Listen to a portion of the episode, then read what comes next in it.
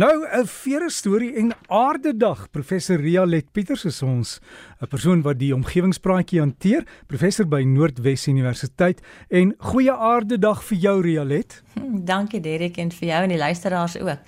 Ja, soos jy nou tereg opmerk, dit is vandag aardedag. Die eerste een was op 22 April 1970 toe 'n senator van Wisconsin in die FSA nasionale aksies geloods het om bewusmaking van omgewingsake onder almal se aandag te bring. Dit was nogal suksesvol want teen die einde van daardie jaar het die Amerikaanse regering die Omgewingsbewaringsagentskap of terwyl die Environmental Protection Agency op die been gebring.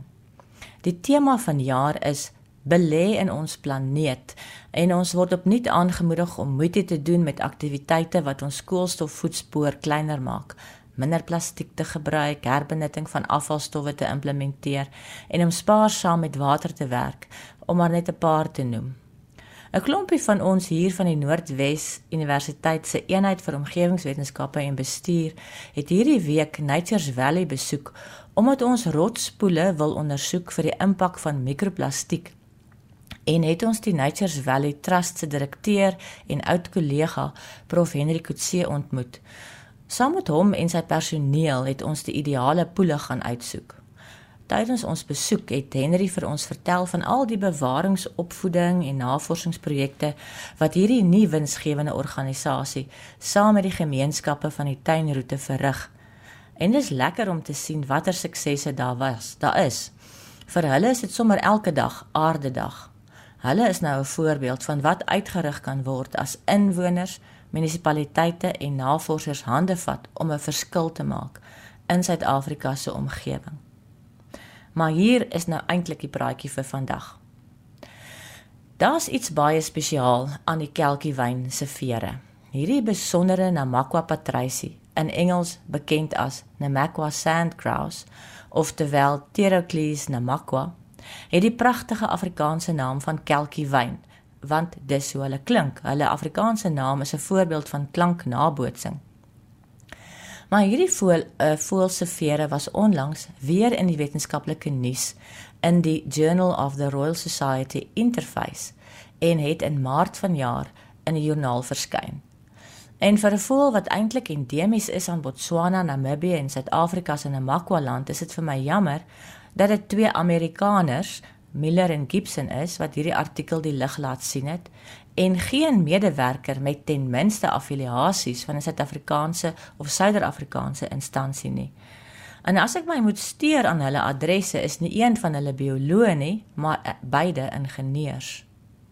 Nou kan die luisteraars met reg vra, hoe dit dan nou gebeur dat twee ingenieurs belang sou stel in die vere van 'n Namakwa patrisie en daar's 'n leidraad in die naam van 'n joernaal waarin die twee mense hulle artikel gepubliseer het, Interface. Hierdie twee, Lona Gibson van die Massachusetts Institute of Technology of Technology, MIT, en Jochen Müller van die Johns Hopkins Universiteit, het die vere ondersoek omdat daar iets te leer is wat deur die mens ingespan en nageboots kan word tot ons voordeel. Die Namakwa patryse vreet sade wat so dan en wan met insekte aangevul word. Hulle kom hoofsaaklik, soos ek gesê het, in die woestyngebiede van Botswana, Namibië en Suid-Afrika voor en vorm broeipare wat tipies so 10 km van watergate af in die grond nes maak. Maar die neste kan selfs so ver as 30 km van die watergat af voorkom. Kuikentjies kan binne 1 uur nadat hulle uitgebroei het, reeds rondloop, maar hulle kan vir die eerste maand nog nie vlieg nie. Hulle kan dus nie self by die watergate kom waar die volwasse voëls water drink nie. Nou, wat nou gemaak? Die manlike voëls vervoer water van die waterpan af na die kuikens toe deur die water wat in sy vere aan sy maagkant voorkom en daarin op opsuig wanneer hy in die water sit saam te vlieg terug nes toe. Hierdie besondere gedrag word deur al die sandpatry spesies behalwe een geopenbaar. Die enigste een wat dit nie doen nie, is die spesies wat in die steppe van Sentraal-Asië voorkom. Hierdie verskynsel om water in die maagvere saam te dra, is reeds in 1896 deur ene Mead Waldo wat met sandpatryse geboer het, waargeneem. Maar die wetenskap wou hom eers nie glo nie. Soveel so dat dit 70 jaar sou duur voordat die verskynsel weer bekyk is. Kagan McLean se artikel is in 1967 gepubliseer. Terloops, hierdie McLean is die redakteur van vorige uitgawes van die Roberts Birds of Southern Africa. En hulle het gedetailleerde waarnemings van die gedrag van die voëls beskryf. Hierdie twee manne het vasgestel dat die voëls omtrent 25 ml water in hulle vere kan vasvang na net 5 minute se sit en vere skud in die water. En omtrent helfte van die water verdamp as die voëls vir 'n halfuur lank terugvlieg na die nes met die kleintjies. Hier drink die kleintjies die water direk uit die vere uit. Wat die twee ingenieurs se studie anders maak as die een wat al in 1967 verskyn het, is dat hulle tegnologie tot hulle beskikking gehad het om die bou van die vere in die fynste besonderhede te kan ondersoek. Hulle het skandeer elektronmikroskopie, mikrorekenaar tomografie of beter bekend as CT scans en video-opnames gebruik. En hulle het vere geleen by Harvard se museum vir vergelykende dierkunde.